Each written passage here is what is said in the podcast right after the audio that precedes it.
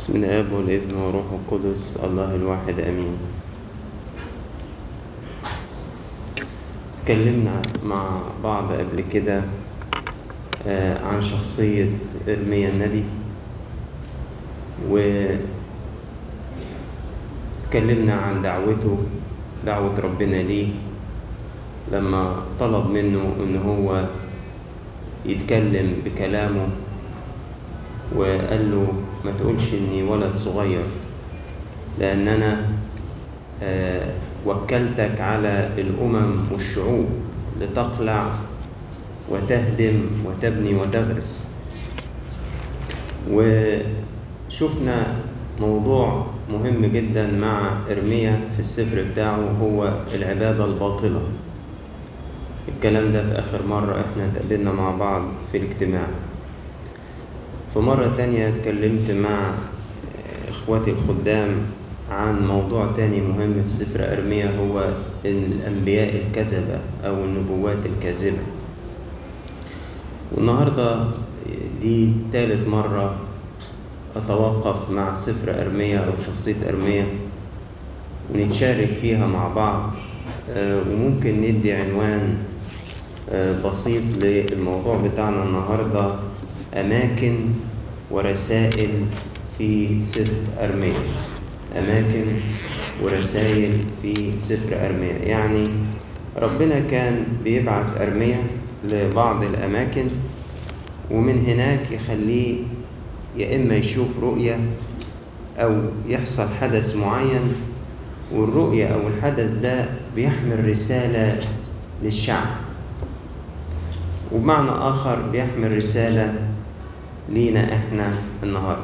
بذكركم إن أرميا تنبأ في زمان ما قبل السبي وعاصر حدوث سبي مملكة الجنوب اللي هي مملكة يهوذا. يعني هو حضر مراحل السبي وشاف الأمور دي المؤلمة آه، بنفسه يعني. آه، كان مشكلة أرميا إنه في الوقت اللي هو بيقول فيه كلمة الله الحقيقية كان في أنبياء كذبة تانيين بيقولوا كلام كذب باسم ربنا. فكانوا بيعكسوه. يعني هو بيحذر الشعب ويقول لهم توبوا عشان ربنا يندم على الشر اللي تكلم إنه يصنعه. وهم يقولوا للشعب لا ده ربنا مبسوط بيكم خالص وبيقول لكم سلام سلام لهذا الموضع. فكان الأنبياء الكذبة بيخلوا الشعب يتمادى في شره. و... وما بيسمعش لأرميا ليه؟ أرميا بيقول كلام آه، ما يسعدش الودان لكن الأنبياء الكذبة بيقولوا كلام إيه؟ يبسط والإنسان دايما يميل إن هو يحب يسمع الكلام اللي إيه؟ اللي يريحه واللي يعجبه فكانوا بيتبعوا يمشوا للأسف وراء الأنبياء الكذبة تعالوا نشوف كده آه، بعض الأماكن اللي ربنا آه، ودى فيها أرميا وإيه الرسالة اللي كانت وراء كل مكان من هذه الأماكن. أول مكان في أرميا 13 وربنا بيودي أرميا لنواحي نهر الفرات. نهر الفرات في آه، أرض العراق. ما نعرفش إزاي أرميا راح هناك. هل في رؤية؟ هل سفروا سفر حقيقي؟ هل الروح حمله زي ما حمل في لبس في سفر الأعمال؟ ما نعرفش بالظبط. لكن هناك حصل حاجة جميلة هنشوفها مع بعض ونشوف إيه معناها. هكذا قال الرب لي ده في أرميا 13 اذهب واشتري لنفسك منطقة من كتان. كتان ده القماش الحلو الغالي الطبيعي. اللي الإنسان يقدر يتحمله في حر الصيف لأنه قماشة كده حلوة. وضعها على حقويك ولا تدخلها في الماء. يعني تشتريها كده وما تغسلهاش. البسها على طول منطقة كده على إيه؟ حقويك. فعمل زي ما ربنا قال اشترى المنطقة وحطها على حقويك. فراح ربنا قال له إيه؟ خد المنطقة دي اللي أنت اشتريتها من على حقويك وروح إلى الفرات. روح نهر الفرات. واطمرها هناك في شق صخر. هوريك صخرة مشقوقة عند نهر الفرات. اعمل إيه؟ احشر فيها إيه؟ قماشة الكتان دي. فانطلقت وطمرتها عند الفرات كما أمرني الرب. وبعد أيام كثيرة عدت أيام كتير. راح ربنا قال له إيه؟ روح كده يا أرميا عند الفرات وخد المنطقة اللي أنت طمرتها دي من فترة. فراح وحفر وخدها. للأسف لقيها مالها فسدت من الرطوبة. حصل لها نوع من إيه؟ العفن. فسدت. لا تصلح لشيء. فقال كلام الرب فكان كلام الرب إلي قائلا هكذا قال الرب هكذا أفسد كبرياء يهوذا وكبرياء أورشليم العظيمة هذا الشعب الشرير الذي يأبى أن يسمع كلامي الذي يسلك في عناد قلبه ويسير وراء آلهة أخرى ليعبدها ويسجد لها يصير كهذه المنطقة التي لا تصلح لشيء. الكتانة دي قماشة غالية قماشة حلوة. يا خسارتها إن هي إيه؟ فسدت. قال له أنا أنا هأفسد كبرياء يهوذا وكبرياء أورشليم العظيمة دي اللي هي عاملة زي حتة الكتان الإيه؟ الغالية. أنا هخليها لا تصلح لشيء. دي رسالة آه تحذير أو واحد بيفوق واحد. بيقول إيه؟ الكبرياء اللي أنت عايش فيه ده ربنا بيفوق شعب يهوذا وشعب أورشليم. إيه الكبرياء اللي أنتوا عايشين فيه ده؟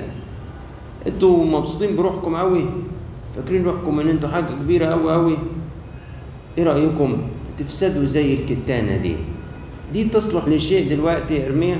قال له لا تصلح لشيء ما تنفعش في حاجة خالص. هل دي الرسالة الوحيدة؟ لا مش دي الرسالة الوحيدة. في رسالة جميلة في موضوع انطقه الكتان يقول إيه ربنا يكمل؟ لأنه كما تلتصق المنطقة بحقوي الإنسان هكذا ألصقت بنفسي كل بيت إسرائيل وكل بيت يهوذا يقول الرب. ليكونوا لي شعبا واسما وفخرا ومجدا ولكنهم لم يسمعوا. عارف يا إرميا؟ شوف لما أنت لبست المنطقة الكتان دي. شفت لازقة على حقويك إزاي قال له آه يا ربي بتمسك جامد خالص. قال له أنا كنت عامل يهوذا وأورشليم ملتصق بيهم ولازقهم فيا زي ما الإنسان بيلزق المنطقة بتاعته على حقويه شوف القرب لأنه درجة. يعني ربنا كان عايز يقول أنا محتضن هذا الشعب أنا ملتصق بهذا الشعب زي التصاق المنطقة دي بحقوي الإنسان. كانوا غاليين عليها خالص خالص خالص. بس للأسف يا رمي هم ما سمعوش. دي رسالة محبة ورسالة عتاب. شوفوا أنتوا بالنسبة لي كنتوا إيه؟ أنا كنت مقربكم مني بدرجة الواحد متوقعهاش. أنا كنت لازقكم فيا. فاكرين ربنا في توراة موسى قال تحب الرب إلهك وتلتصق به لأنه هو إيه؟ حياتك. مش الإنسان اللي نفذ الوصية دي.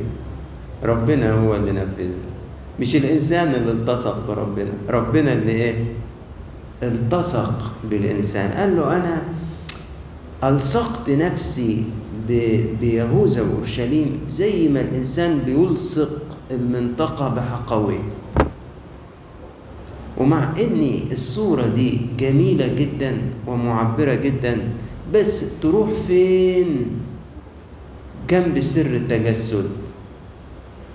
يعني اللي إحنا استفدناه أو اللي إحنا خدناه كمسيحيين يفوق بمراحل اللي خدته يهوذا وأورشليم في العهد القديم. ليه؟ لأنه وإن كان صورة المنطقة اللي لازقة في جسم الإنسان معبرة قوي عن القرب بين الشخص وبين ربنا لكن تروح فين جنب صورة سر التجسد اللي فيه ربنا اتخذ لنفسه طبيعتنا البشرية واتحد بيها وجعلها واحدا مع لاهوته؟ تروح فين دي؟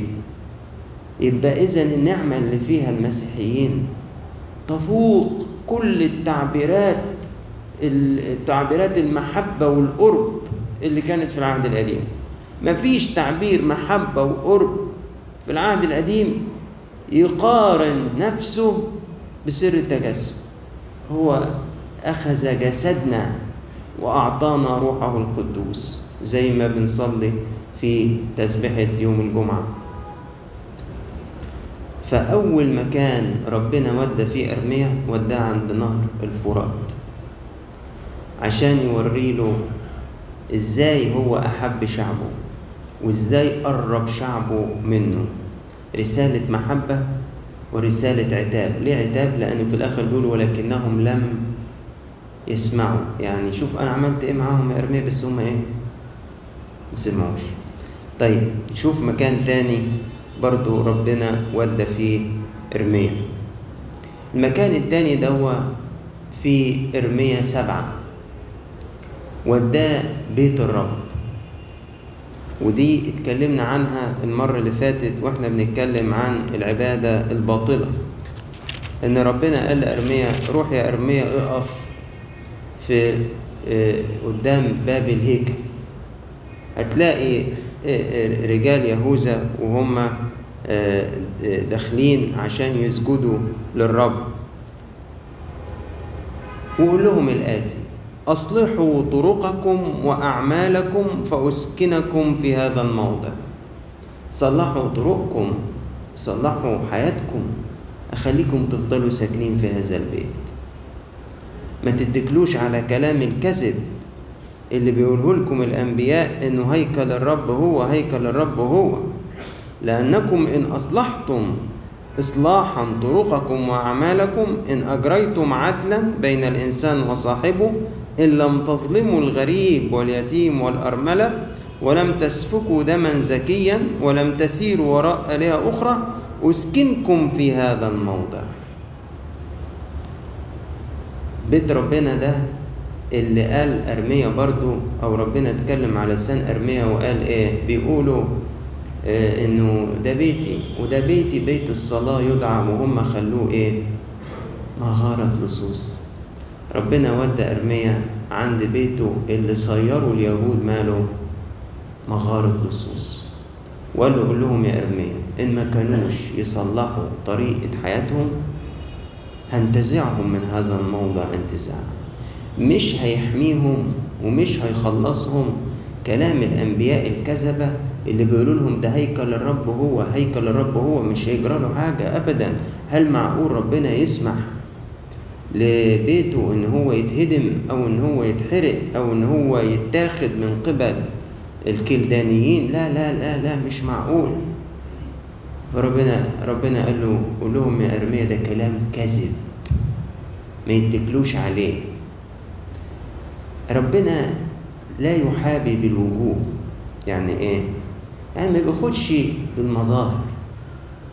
ما ياخدش ربنا بالمظاهر. ما ياخدش ربنا إن إحنا مثلا آه نظهر إن إحنا أتقياء وإن إحنا آه بنيجي الكنيسة وإن إحنا بنحضر قداسات وإن إحنا آه بنيجي اجتماعات. ولكن طرقنا رديئة. يعني إيه طرقنا رديئة؟ يعني بيقول لك هو مثلا واحد بيظلم صاحبه. أبسط حاجة ما بيعملش عدل. بيظلم اليتيم والأرملة. بيجي على حق اليتيم والأرملة بيغلط في الورث بياخد فلوس مش بتاعته. بيظلم. بي بيمشي في سلوكيات أخلاقية لا تليق. علاقات غير مقدسة مش مكتفي بزوجته مش مكتفية بزوجها. آه بي بي بي بيسمحوا ل أعمال إبليس والإحجبة والسحر والعرافة إن هي تكون وسط حياتهم وسط عيشتهم. فربنا بيقول اصلحوا طرقكم أسكنكم في هذا الموضوع ما حرمكش أبدا من الكنيسة دي. لو أنت أصلحت طرقك ما حرمكش منها. لو أنت مشيت كويس لو انت راعيتني في سلوكك ما احرمكش من الكنيسة دي. لكن هتتكل على المظاهر ربنا يقول لك ده كلام كذب. اللي بيقوله لك ضميرك ده عشان تسيبه في حاله وما تفوقوش ده كلام كذب. أصلحوا طرقكم أسكنكم في هذا الموضع. نفسي كل مرة وأنا جاي الكنيسة أجي عند باب الكنيسة كده وأفتكر إن أرميا النبي واقف وأنا داخل. بيقول لي إيه؟ أصلحوا طرقكم أسكنكم في هذا الموضع تخيل أنت كل مرة وأنت داخل الكنيسة تذكر هذا المشهد. إن مين واقف عند الباب؟ إرميا النبي. وبيقول لي وأنا داخل إيه؟ أصلحوا طرقكم وأعمالكم أسكنكم في هذا الموضع أعتقد لو أنا داخل الكنيسة القداس أو أنا داخل الاجتماع واتبهت لدي وحطيت في قلبي إن إرميا واقف على الباب وبيقول لي اهتم إن سلوكك وحياتك تتنقى وتتغير هلاقي خشية الرب ومخافة الرب سكنت في قلبي. هخاف هراجع نفسي وأنا داخل. أقول لا لحسن أكون داخل بمظهرية. لحسن أكون داخل برياء. لحسن أكون داخل وناوي أفضل ماشي في السكة الغلط اللي أنا فيها. مش ناوي أغير طرقي ولا ناوي أغير سلوكياتي أرميا نبهني وأنا داخل. قال لي اصلح طرقك وحياتك أسكنكم في هذا الموضوع. يبقى أول مكان شفناه النهاردة مع إرميا كان عنده نهر الفرات وكانت رسالة محبة وعتاب.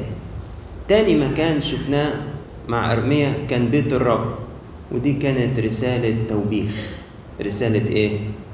توبيخ. نشوف رسالة تالتة يعني أقول عليها رسالة عتاب. ربنا زور أرميا بيت لعشيرة اسمهم الركابيين. معرفش أنتوا تسمعوا عنهم ولا لا. في أرميا أصحاح 35 الركابيين دول ينتسبوا لعشيرة كالب. ورأس البيت ده واحد اسمه يوناداب ابن ركاب يوناداب ابن ركاب كان يعني عايش تقريبا في زمن أليشع النبي. فبينه وبين إرميا كزمن يعني حاجة تقترب من 300 سنة 350 سنة بالتقريب يعني. ربنا ودى إرميا قال له تعالى إرميا أنا عايزك تزور بيت الركابيين وهناك هوريك حاجة. نشوف كده إيه اللي حصل. الكلمة التي صارت إلى إرميا من قبل الرب في أيام يهو يقيم ابن يوشيا ملك يهوذا قائلة اذهب إلى بيت الركابيين وكلمهم وادخل بهم إلى بيت الرب إلى أحد المخادع واسقهم خمرا. قال له بص تاخد الجماعة بتوع بيت الركابيين لبيت الرب وتدخلهم مخدع من المخادع وسقيهم إيه؟ وسقيهم خمر. فأخذ يزانيا وإخوته وكل بنيه وكل بيت الركابيين. وراح دخل بيهم بيت, بيت الرب إلى مخدع بني حنان رجل الله. وجعلت أمام بني بيت الركابيين طاسات ملآنة خمرا وأقداحا. حطوا قدامهم إيه؟ كؤوس فيها خمرة. وقال لهم اشربوا خمرا. فقالوا لا نشرب خمرا. ليه؟ ليه ما تشربوش ليه؟ لأن يوناداب ابن ركاب أبانا أوصانا قائلا لا تشربوا خمرا أنتم ولا بنوكم إلى الأبد. ولا تبنوا بيتا ولا تزرعوا زرعا ولا تغرسوا كرما ولا تكن لكم بل اسكنوا في الخيام كل أيامكم لكي تحيوا أياما كثيرة على وجه الأرض التي أنتم متغربون فيها. فسمعنا لصوت يوناداب ابن ركاب أبينا في كل ما أوصانا به أن لا نشرب خمرا كل أيامنا نحن ونساؤنا وبنونا وبناتنا ولا نبني بيوتا لسكنانا ولا يكون لنا كرم ولا حقل فسكننا في الخيام وسمعنا وعملنا حسب كل ما أوصانا به يناداب أبونا. قالوا ما نقدرش ما نقدرش نكسر كلمة إيه؟ كلمة أبونا. هو وصانا قال لنا إيه؟ تشربوش خمرة ت- تبنوش بيوت ما تزرعوش غيطان عيشتكم كلها تكون إيه؟ في الخيام. أنتوا إيه؟ غرب. أنتوا إيه؟ غرب. لو عشتوا غرب تطول أيامكم في الأرض التي أنتم متغربون فيها. فإحنا من ساعتها وإحنا إيه؟ سامعين كلام.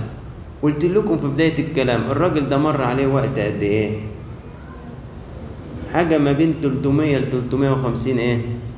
تخيلوا ناس بتسمع كلام متوارث لواحد اتنيح بقاله قد إيه؟ 300 سنة 350 سنة. كل هذه الأجيال ما نزلوش كلمته إيه؟ الأرض. راح ربنا قال له أتاري ربنا يقصد إيه من الزيارة دي. قال له تعالى ما اوريك الناس اللي اللي بتوقر. تعالى ما اوريك الناس إيه؟ اللي بتوقر. الناس اللي بتحب أبهاتها فعلا وبتسمع إيه؟ كلامها. تعالى موريك. دي كلمة إنسان. عياله ما نزلوهاش الأرض كل هذه السنين. وشوف يا أرميا أنا اتكلمت قد إيه لهذا الشعب؟ وعمرهم ما سمعوا كلام. شوف لما يبقى في حد أمين السما تبقى واخدة بالها إيه؟ منه. يعني وسط الصورة الوحشة جدا اللي فيها شعب الله واللي سفر أرميا كشفها بغزارة ودينونة لكل أعمالهم السما لقطة من فوق إن في بيت أمين اسمه بيت مين؟ الركابيين. السما واخدة بالها. الناس تحت مش دريانة بس فوق إيه؟ ربنا كاشف كل حاجة فالرادار الإلهي لاقط إن في بيت أمين فخدوا نموذج وكشف عن ده لمين؟ لأرميا قال له تعالى موريك الناس الأمينة الحلوة تعالى موريك إيه؟ برضه دي تدي رجاء لرجل الله. خد بالك بدل ما هو متهيأله إن كل الناس إيه؟ كله وحش وحش وحش. ربنا قال له تعالى اما افتح نفسك شوية وأوريك الناس الحلوة. وراح مزوره بيت إيه؟ ركابيين. بس في نفس الوقت في رسالة. قال له مش عجيبة دي يا ارميا إن يوناداب ابن ركاب. ليه اللي يسمع له كلامه بعد 300 أو 350 سنة؟ ما ينزلولوش كلمة. الأرض. وأنا شعبي ما عملش كده معايا يا رسالة عتاب يعني حلوة وصعبة. شوف ربنا ما يقارن نفسه ينزل ربنا بنفسه لما يوازن بينه وبين واحد من خليقته. يقول ده أنا ما حصلتش. يوناداب ابن ركاب اللي هم وقروا كلامه عياله وكل السنين دي بيقيموا كلامه. لدرجة لا لا اقتنوا حقل ولا بنوا بيت ولا شربوا خمر كل هذه السنين لدرجة إن رجل الله نبي الله ياخدهم ويحط الكؤوس قدامهم ويقول لهم اشربوا يقولوا لا معلش ما نشربش. ده إحنا ولا إحنا ولا نسائنا ولا عيالنا. الله على الأمانة الله على اللي ما يرضاش ينزل كلمة ربنا للأرض. السماء تاخد بالها. السماء تعجب بيه السماء تجعله آية تجعله رسالة لغيره. هم كانوا يفكروا إن ربنا واخد باله من القصة دي. هم الناس بيسمعوا إيه؟ الوصية بتاعت أبوه. فكرهم هم إن هيجي يوم من الأيام إحنا بعد كل هذه السنين نكون بنحكي حكايتهم ولا يعرفوا خالص طبعا ولا يجي في بالهم ولا هم كانوا بيسمعوا الكلام عشان كده مش في بالهم أصلا. لكن الأمانة تقدر لدى الله. الطاعة للوصية تحفظ أمام الله. لدرجة إن ياما ياما عشائر وبيوت في العهد القديم ولا نعرف عنها حاجة ولا نسمع عنها حاجة. ولولا الوصية اللي أقامها الركبيون دول كنا ولا هنعرف عنهم حاجة ولا هنسمع عنهم حاجة خالص. ده اللي, أبقى ليهم ذكر هي أمانتهم لوصية أبوهم. الإنسان فينا لو سلك بأمانة تجاه الله وحفظ وصية الله اسمه يكتب في سفر الحياة. إذا مكان ثالث ربنا خد ليه أرمية بيت الركابيين وكان يحمل رسالة عتاب. مكان رابع وده مشهور لأنه بيتحكى كتير في العظات وموجود في الترانيم لما ربنا أخذ أرمية لبيت الفخاري. دي معروفة بس تعالوا إيه نراجعها مع بعض. في أصحاح 18 الكلام الذي صار إلى إرميا من قبل الرب قائلا قم انزل إلى بيت الفخار وهناك أسمعك كلامي. فنزلت إلى بيت الفخار وإذ هو يصنع عملا على الدولاب. ففسد الوعاء الذي كان يصنع من الطين بيد الفخار. فعاد وعمله وعاء آخر كما حسن في عيني الفخار أن يصنعه. فصار إلي كلام الرب قائلا أما أستطيع أن أصنع بكم كهذا الفخار يا بيت إسرائيل؟ يقول الرب. هو ذاك الطين بيد الفخار أنتم هكذا بيدي يا بيت إسرائيل. قال له روح كده بيت الفخاري اللي بيعمل الأواني الفخارية وأنا هناك هكلمك في حاجة. فراح أرميه. فلقي الفخاري بالصدفة بيعمل إيه؟ وعاء من الطين على الدولاب ده ويمكن لسه بتشوفوا المشاهد دي بتيجي يعني في التلفزيون. فهو بيعملوا الوعاء إيه؟ باظ عمل إيه؟ عجنه من جديد وعمل واحد تاني من نفس الطينة أحسن منه. قال له قول له قول لبيت إسرائيل أنا وأنا ما أقدرش أعمل معاكم زي ما الفخاري ده عمل. كالطين بيد الفخاري هكذا أنتم بيدي قال الرب يا بيت إسرائيل. يعني ما, ما أنا أقدر أعمل كده. أقدر أصلح حياتك من جديد لو فسدت. أقدر أعملك إنسان جديد حتى لو كان حياتك القديمة كلها باظت. أقدر. دي رسالة رجاء. بص بيقول إيه؟ تارة أتكلم على أمة وعلى مملكة بالقلع والهدم والإهلاك. فترجع تلك الأمة التي تكلمت عليها عن شرها فأندم عن الشر الذي قصدت أن أصنع بها. ساعات أتكلم على أمة بالشر يعني إنها تجيلهم مصايب نتيجة خطاياهم فالأمة دي إيه؟ ترجع تتوب وده الهدف من وراء كلام ربنا الشديد بيبان اهو فأندم على الشر يعني إيه؟ يعني خلاص مش هدين الأمة دي. تاخد فرصة جديدة والعكس ساعات يحصل يا إرميا وتارة أتكلم على أمة وعلى مملكة بالبناء والغرس. فتفعل الشر في عيني ولا تسمع لصوتي فأندم عن الخير الذي قلت إني أحسن إليها به. وساعات يا إرميا أبقى أصلا متكلم كلام خير على شعب من الشعوب وأمة من الأمم. وإذ هم بعد كده إيه؟ يسيبوني ويسلكوا في الشر. فأندم على الخير اللي أنا تكلمت بيه ليهم. الإنسان بياخد موقف من الله وهو اللي بيختار لنفسه يكون في وضع الدينونة ولا يكون في وضع البركة. الإنسان هو اللي بيختار هيقف فين من ربنا هيقف في وضع الدينونة ولا في وضع البركة. لكن ربنا من ناحيته بيقول ده يعني أنا أقدر أشكلكم من جديد أقدر أعمل حياتكم من جديد. أقدر أنقذك من جديد أقدر أديك فرصة جديدة. زي ما الطينة دي بيد الفخاري هكذا أنتم بيدي يا بيت إسرائيل. يبقى شفنا في نهر الفرات المنطقة اللي من الكتان وكانت رسالة محبة وعتاب.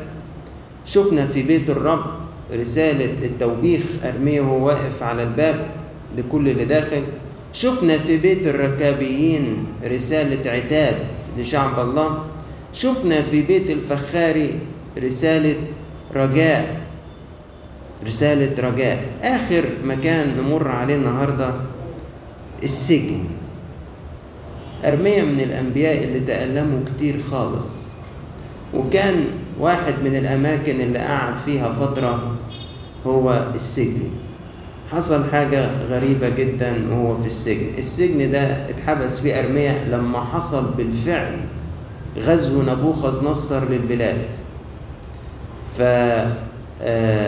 فعزل يهو يكين الملك وعين أخوه صدقية مكانه. وصدقية قبض على أرميا وحطه في السجن. فاللي طول الوقت أرميا بيتنبأ عنه اتضح إن هو فعلا إيه؟ حقيقي وحصل. أدي السبي إيه؟ حصل. كان طول الوقت اللي فيه سلام ارميا بيتنبأ بالخراب وكانوا الأنبياء الكذب يتنبأوا بإيه؟ بالسلام. دلوقتي حصل الخراب. العين تشوف إيه قدامها؟ دمار. ارميا يتكلم عن إيه؟ حاجة غريبة خالص. يتكلم عن الخير الآتي بعد الدمار. يعني أرميا ده مش بدماغه طبعا. ده بنبوات ربنا ليه؟ ماشي عكس التيار. الصورة اللي على الأرض بتقول إن الدنيا سلام وهو بيتكلم إن فيه إيه؟ خراب. طب حصل الخراب الصورة العامة إيه؟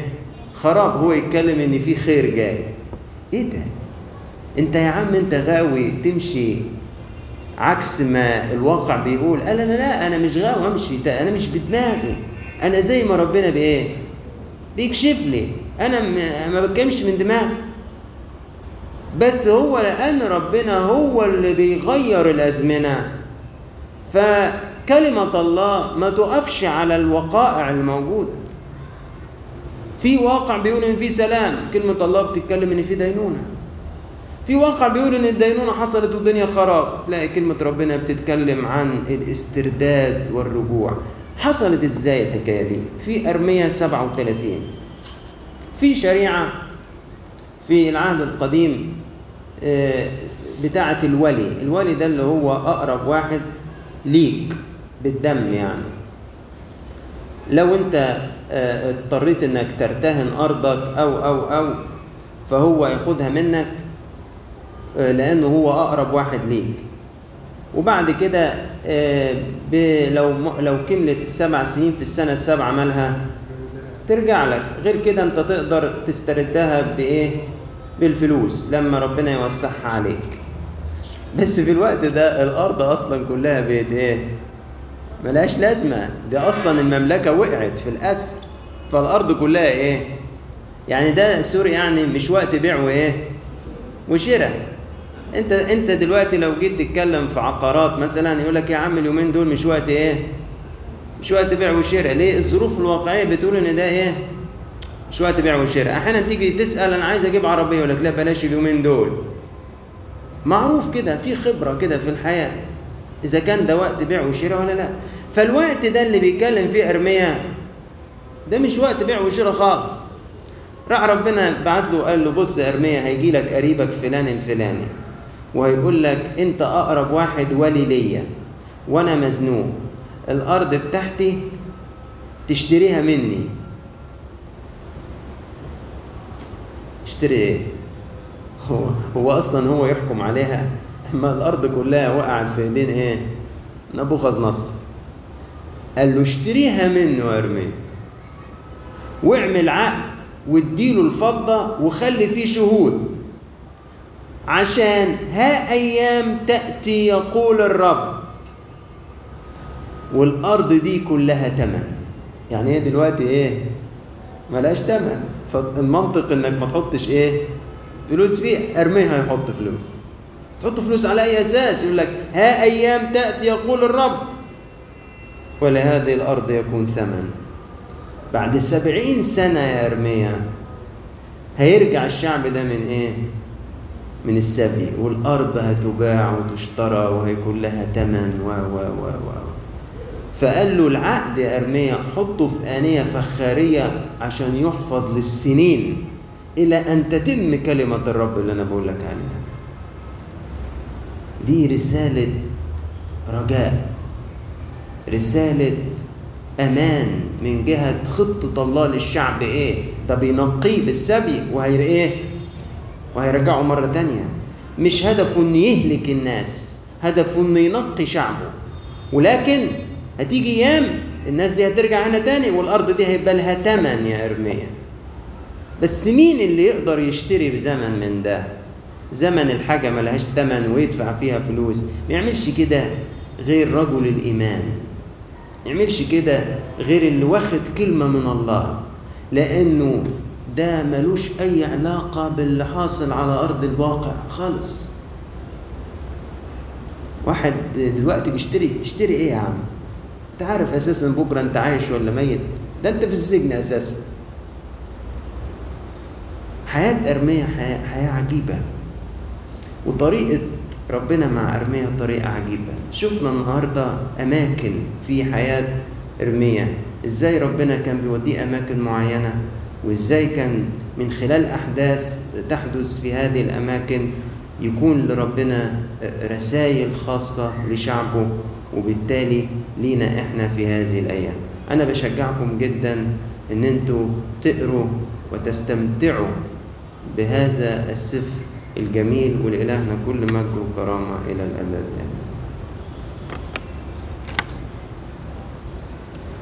تفضل نصلي اللهم اجعلنا مستحقين بشكر أبانا الذي في السماوات ليتقدس اسمك ليأتي ملكوتك لتكن مشيئتك.